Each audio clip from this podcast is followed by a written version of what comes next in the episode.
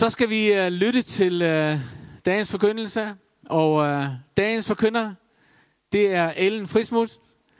Og uh, velkommen til.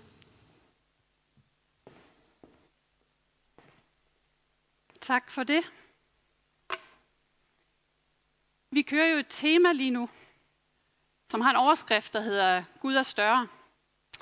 Og ja, Gud er større. Gud er stor. Men jeg tror også nogle gange, så skal vi også huske på, at Gud han er ikke kun i det store.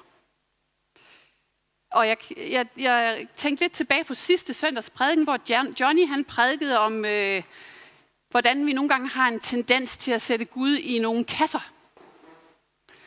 Og så reflekterede jeg lidt over, hvad er det for nogle kasser, hvad er det for nogle bokser, jeg måske nogle gange sætter Gud i. Og en af dem kom jeg til at tænke på, det var måske lidt den, hvor man kunne kalde ham for en krisegud. Guden, jeg henvender mig til, når jeg står et sted, hvor jeg bare tænker, det her, det går ud over, hvad jeg selv formår. Det går ud over, hvad jeg kan i egen kraft. Nu har jeg brug for Gud. For Gud, han er stor. Gud, han er større i mine, mine problemer. Og ja, Gud er stor, og Gud er større. Men jeg har også brug for at, gøre, at huske, at han ikke kun er i det store. Jeg har brug for at huske, at han også er i det små. Han er i det enkle, og han er i det nære. Han er der altid. Ikke kun, når jeg kalder, når jeg har kriser. Han er der hver dag. Han er der i min hverdag. Og heldigvis så er der flere hverdage i mit liv, end der er krisedage. Og lige nu så er vi nok nogen, der synes, at der faktisk går ret meget hverdag i vores liv. Der er nogle omstændigheder, som på en eller anden måde begrænser os og gør, at der er ikke lige så meget mulighed for fest og farver. Og så er det nok ekstra vigtigt at holde hverdagen. Jeg ved ikke, om der nogensinde er nogen, der har læst et digt af Tan Tyrell, der hedder Jeg holder af hverdagen. Jeg satte mig ned og læste det forleden, og det kan faktisk godt lige give et godt indspark på sådan en hverdag. Fordi hverdagen er også noget værd. Men hvad er det, der gør vores hverdag værdifuld? Og det fik mig til at tænke, jeg tror det for mig i hvert fald, der er det to ting. Den ene ting, det er mine relationer. Og det tror jeg faktisk, altså ironisk nok, så går det jo ekstra meget op for mig, hvor vigtige mine relationer er for mig i den her tid, hvor jeg bliver afskåret fra nogle af dem, hvor jeg ikke lige kan tage hen og drikke en kop kaffe med min veninde, eller på samme måde bare kan tage hele familien med i bilen og afsted ned til mine forældre eller til min svigerfar. Det er det der med, at når vi lige pludselig ikke har det, så går det op for os, hvor vigtigt det faktisk er. Den anden ting, der er vigtig for mig lige nu, det er naturen. Jeg øh, arbejder hjemmefra i den her tid, og det vil sige, at mine rammer er lige pludselig meget mere begrænset. Jeg kommer ikke så meget omkring. Og så bliver det lige pludselig ekstra vigtigt for mig faktisk at kunne gå ud i naturen, op ud der, hvor jeg oplever, at det hele det er lidt større, hvor der er et frirum, hvor jeg kan trække vejret dybt, og hvor jeg virkelig kan få ro i min sjæl. Faktisk er der, hvor jeg oplever, hvor stor Gud er, der, hvor jeg oplever Guds storhed, det er så faktisk også lige præcis på de to områder. Det er også i mine relationer, og det er rigtig tit også i naturen. Og i dag, der kunne jeg faktisk godt tænke mig at fortælle jer om noget, som kombinerer de to ting. En ting, jeg har set og oplevet i naturen, men som også har lært mig noget om relationer. Og i dag, der skal jeg øh, faktisk tale ud fra, altså grunden til, at jeg blev inspireret til at tale om det her, det er fordi, at det billede, som I nu kan se op bag ved mig, som ligesom har været baggrundsbilledet for hele det her emne, der hedder Gud er større, jamen, jeg har stået lige præcis sådan, som den der unge fyr går jeg ud fra, det er, som står i en blå hoodie. Jeg har stået, og jeg har kigget op på nogle træer, og jeg har bare tænkt, wow, de her de er bare store, de her træer, de er bare så kæmpe enorme.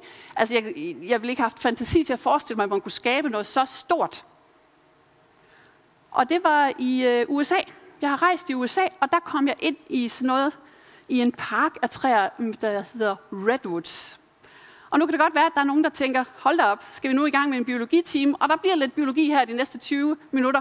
Men faktisk, så er der noget biologi, jeg tror, vi kan lære noget af, også som kristne, og også i, hvordan vi gebærder os i vores relationer. Fordi det her træ, det har for mig både været et vidnesbyrd om Guds enorme skaberkraft, samtidig med, at de har inspireret mig til en måde at leve på, til en måde, hvordan vi også kan overleve på, også under sådan nogle omstændigheder, som vi har lige nu. De her redwood-træer, det er nogle nåletræer, og de kan blive mere end 100 meter høje. De kan have en diameter på op til 7 meter, altså jeg kan jo ikke engang måle det ud for jer, vel, så meget af det. De kan blive op til 2.000 år gamle, og så har man regnet sig frem til, at de nok har vokset på jorden i mere end 240 millioner år. Så er vi lidt der, tilbage der, hvor der var noget med nogle dinosaurer og sådan noget.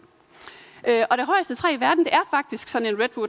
Den er 115 meter høj, regner med. Sådan cirka har man målt sig frem til. Og så må man jo nok sige, at sådan her ud fra vores danske forhold, så er vi jo nok ved at være oppe i de lidt højere luftlag. Ikke? Fordi det vi har her i Danmark, vi kalder et bjerg, det er 147 meter højt. Så 115 meter. Øh, ja, der måske får lidt kriller i maven, når I lige træder ud. I ved op på Salling Rooftop, der er det der glasstykke, man lige kan træde ud, og så kan man kigge ned. Så vidt jeg ved, så er det 25 meter højt. Eller i 25 meters højde. Så okay, så hvis vi skal stå på toppen af det her træ, så kan vi lige gange det med 4,5 cirka, ikke? og så står vi på toppen af det træ. Så højt er det. Altså, der tror jeg virkelig, man kunne opleve for kriller i maven. Så der er altså tale om en kæmpe, man, man sammenligner det med at stå på 37. etage af sådan et øh, højhus. Og man mener, at det her træ, det vejer næsten 726 tons. Redwood-træet er altså en af Guds utrolige skabninger, og rigtig ofte så kan vi lade os inspirere af skaberværket. Vi kan ligefrem lære noget af det. Og jo mere jeg læste om de her redwood-træer, efter jeg havde været henne og oplevet dem i real life, jamen, jo mere gik det op for mig, hvordan de er et eksempel på, hvordan vi kan leve, og vi kan agere for vores, over for vores omverden, og dermed vise dem, at der findes simpelthen en Gud, som er større, men som samtidig også binder os sammen og styrker os i det nære. I dag findes de her redwood-træer primært i øh, ude langs kysten, over i, øh, den, på den amerikanske vestkyst ved Kalifornien og op i Oregon. Og øhm, grund til, at de findes her, det er, fordi de har simpelthen brug for det, der hedder kystklima.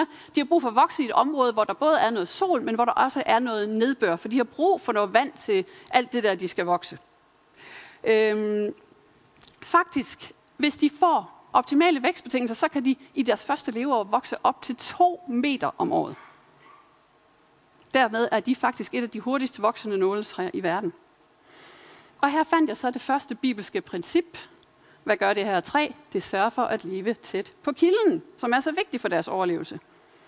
Og en person, som også forstod vigtigheden af at leve tæt på kilden, det var jo Jesus. Fordi vi kan læse om i Bibelen, hvordan øh, Josef og Maria, Jesus forældre, de havde en tradition med, at de til hver påskefest tog til Jerusalem for at være med til at fejre. Og da Jesus bliver 12 år, så får han for første gang lov til at komme med. Og jeg er ikke i tvivl om, at det har været en fest for Jesus at være med der. Altså prøv at tænke jer. Kom til Jerusalem. Med ind i templet. Sidde der med de skriftlærte. Han har jo simpelthen bare været i sit element. Og øh, da de så skal rejse hjem, jamen så Josef og Maria, de er ikke sådan gør ikke så meget ud af at lede efter Jesus. De går ud fra, at han er med et eller andet sted der i øh, karavanen, eller hvordan de nu rejste. Der var en masse der mennesker, der rejste sammen, så de lægger ikke lige mærke til, at han ikke er med. Men da det bliver aften, og de stadigvæk ikke har set ham, så tænker de, hmm, hvor er Jesus mon henne? Og det går op for dem, at han faktisk ikke er der. At de er rejst uden ham. Så de bliver nødt til at vende om, og de bliver nødt til at tage tilbage til Jerusalem for at lede efter ham. Og hvor finder de ham? Jamen, øh, de finder ham selvfølgelig i templet. Der sidder han sammen med alle de skriftlærte. Og så kommer moren jo op i Maria, amen Jesus, hvordan kunne du finde på det, forestiller jeg mig, hun har sagt, ikke? Og så siger, så siger hun sådan til ham, vi har været simpelthen så bekymrede. Og så svarer han, og det her det har jeg fundet i Lukas evangeliet, kapitel 2, vers 49. Hvorfor ledte I efter mig? Vidste I ikke, at jeg bør være hos min far? Og Jesus formidler altså i det her svar, vigtigheden af at være tæt på sin far, være tæt på sin Gud. Maria og Josef, de forstod nok ikke lige helt, hvad han mente her.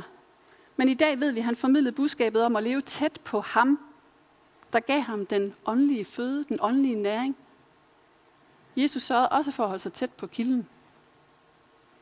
Redwood-træerne lever også tæt på kilden.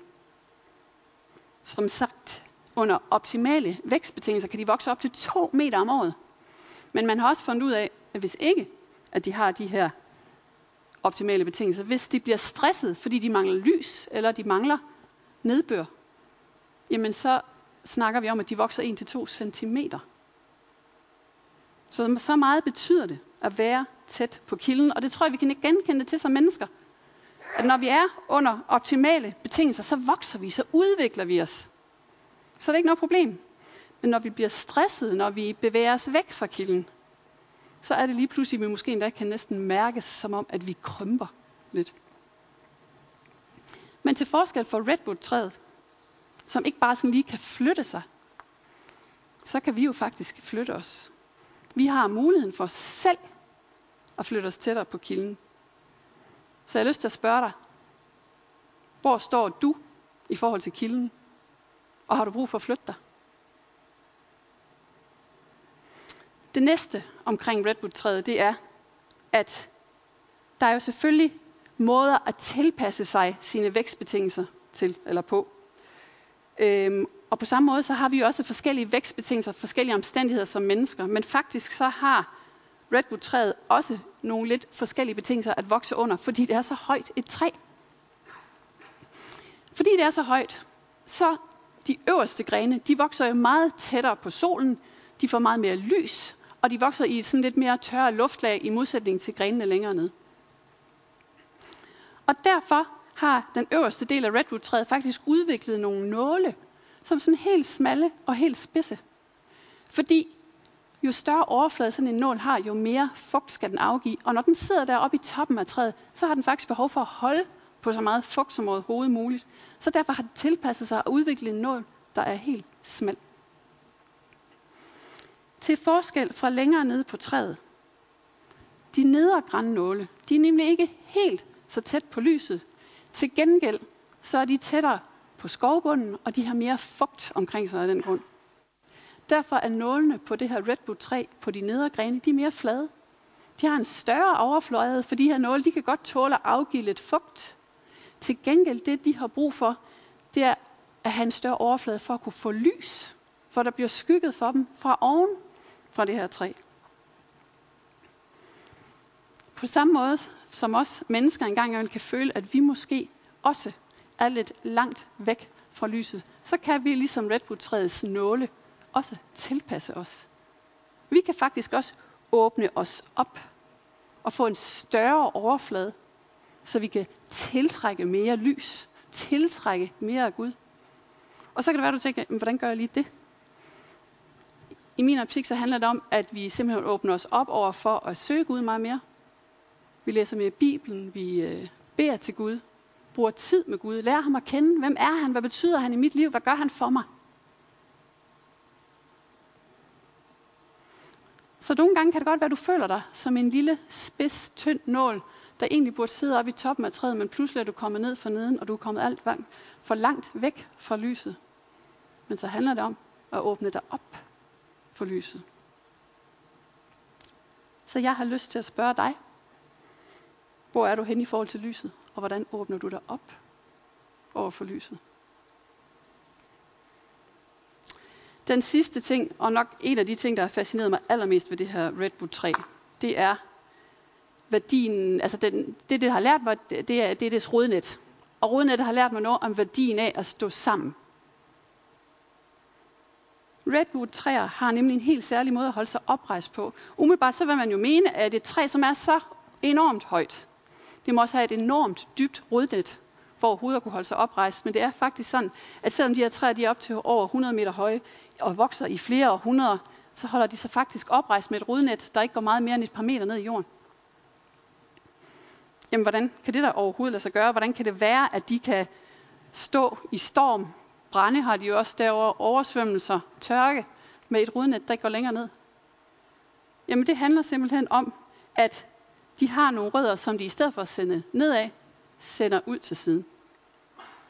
Og i det, de sender de her rødder ud til siden, så vikler de sig sammen med de rødder, der er omkring dem. Og det er, også, det er rødder fra andre redwood-træer, for de her redwood-træer, de vokser meget tæt ved siden af hinanden. Og så gør de så det, de sender deres rødder ud. De vikler sig ind i hinanden, de fletter sig ind i hinanden. Og så holder de sig ikke kun oprejst sammen. Faktisk gør de det, at i det øjeblik, de kobler sig på hinanden, med rødderne, så kan de også overføre næring fra det ene træ til det andet. Så hvis der er træ i den ene ende, der står og mangler vand, så kan det faktisk via sine rødder sende det videre igennem andre rødder og hen til det træ, der måske står og mangler.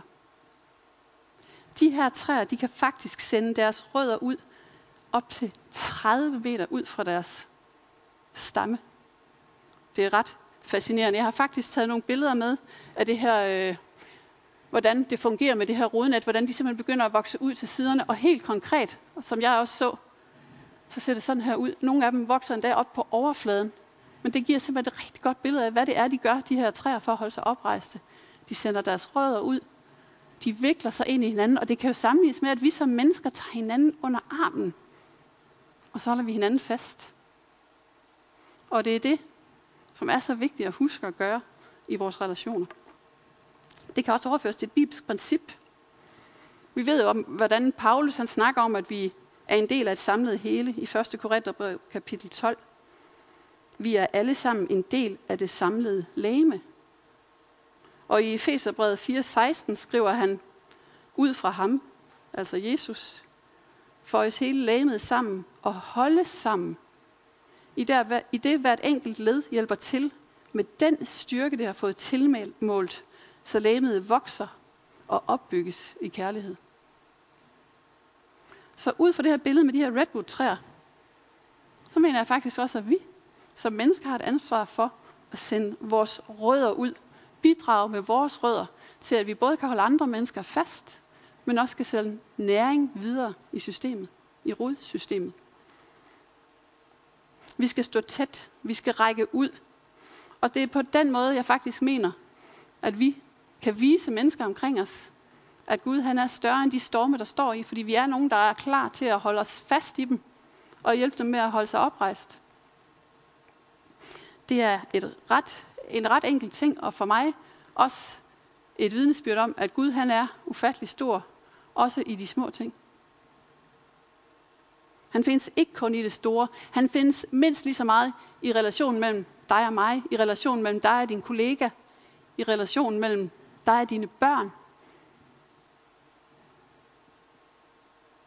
Og i den her uge har jeg faktisk haft nogle meget konkrete oplevelser af, hvordan vi kan holde hinanden fast i relationer. I tirsdags, vi må ikke mødes, så jeg drikker meget virtuel kaffe lige for tiden. Og jeg havde en virtuel kaffeaftale med en øh, dejlig veninde her fra kirken.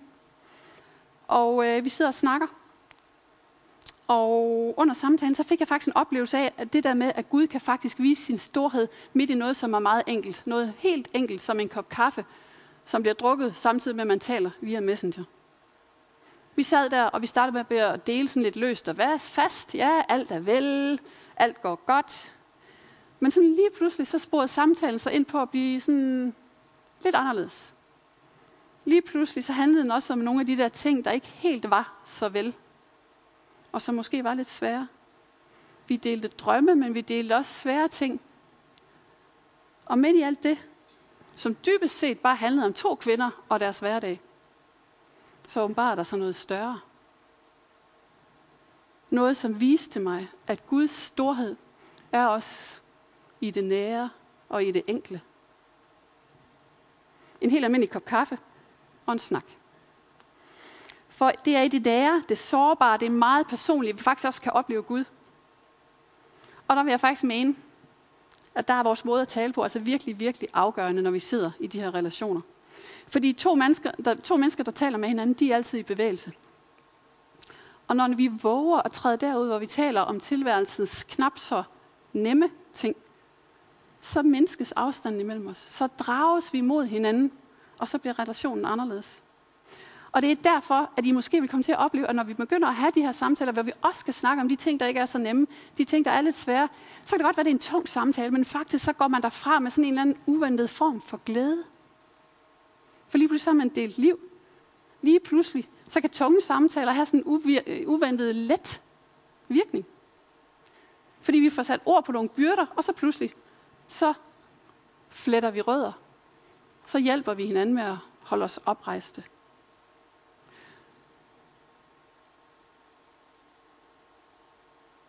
Og det er lige præcis i sådan nogle øjeblikke der, så oplever jeg bare, at Gud er større i det nære, i det enkle, i det små.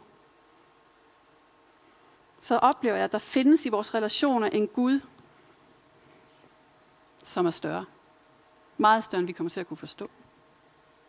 En Gud, som er indbegrebet af kærlighed til os mennesker. Og det er den kærlighed, vi skal formidle til hinanden og til vores medmennesker igennem vores rødder. Og det kan vi faktisk inspireres til at gøre via de her redwood-træer. Så jeg har lyst til at spørge dig, hvordan flytter du rødder med andre? Og hvordan kan du helt konkret i næste uge flette rødder med et andet menneske? Så afslutningsvis, Redwood-træet har tre vækststrategier, i hvert fald tre, som jeg har været inde på i dag. Det er plantet tæt på kilden. Det søger lyset, og det sørger for at være forbundet. Og de tre principper tror jeg virkelig, at hvis vi tager dem til os og grunder over dem, så vil det også kunne give os en oplevelse af, hvor større Gud han er. For Gud er større. Vi er altså en del af noget større. Og derfor skal vi også påtage os en rolle i det større. Vi skal løfte os op over os selv nogle gange. Vi skal løfte os op over vores egen situation, løfte os op over vores egen kirke, og se på, hvad det er Gud han gør af større ting her i vores land. Også lige nu. For Gud er større. Gud er kærlighed, og vi skal formidle Guds kærlighed.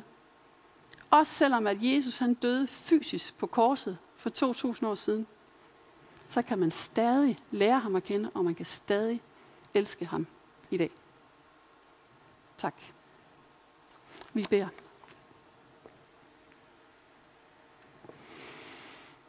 Kære far i himlen, tak at du er større, men tak at du også er større i det små. Tak at du også griber ind i de små hverdagsting. Tak, at du også gør vores hverdag noget værd. Og hjælp os til, far, at være mennesker, som må kunne bidrage til, at andre menneskers hverdag også må blive værdifuld.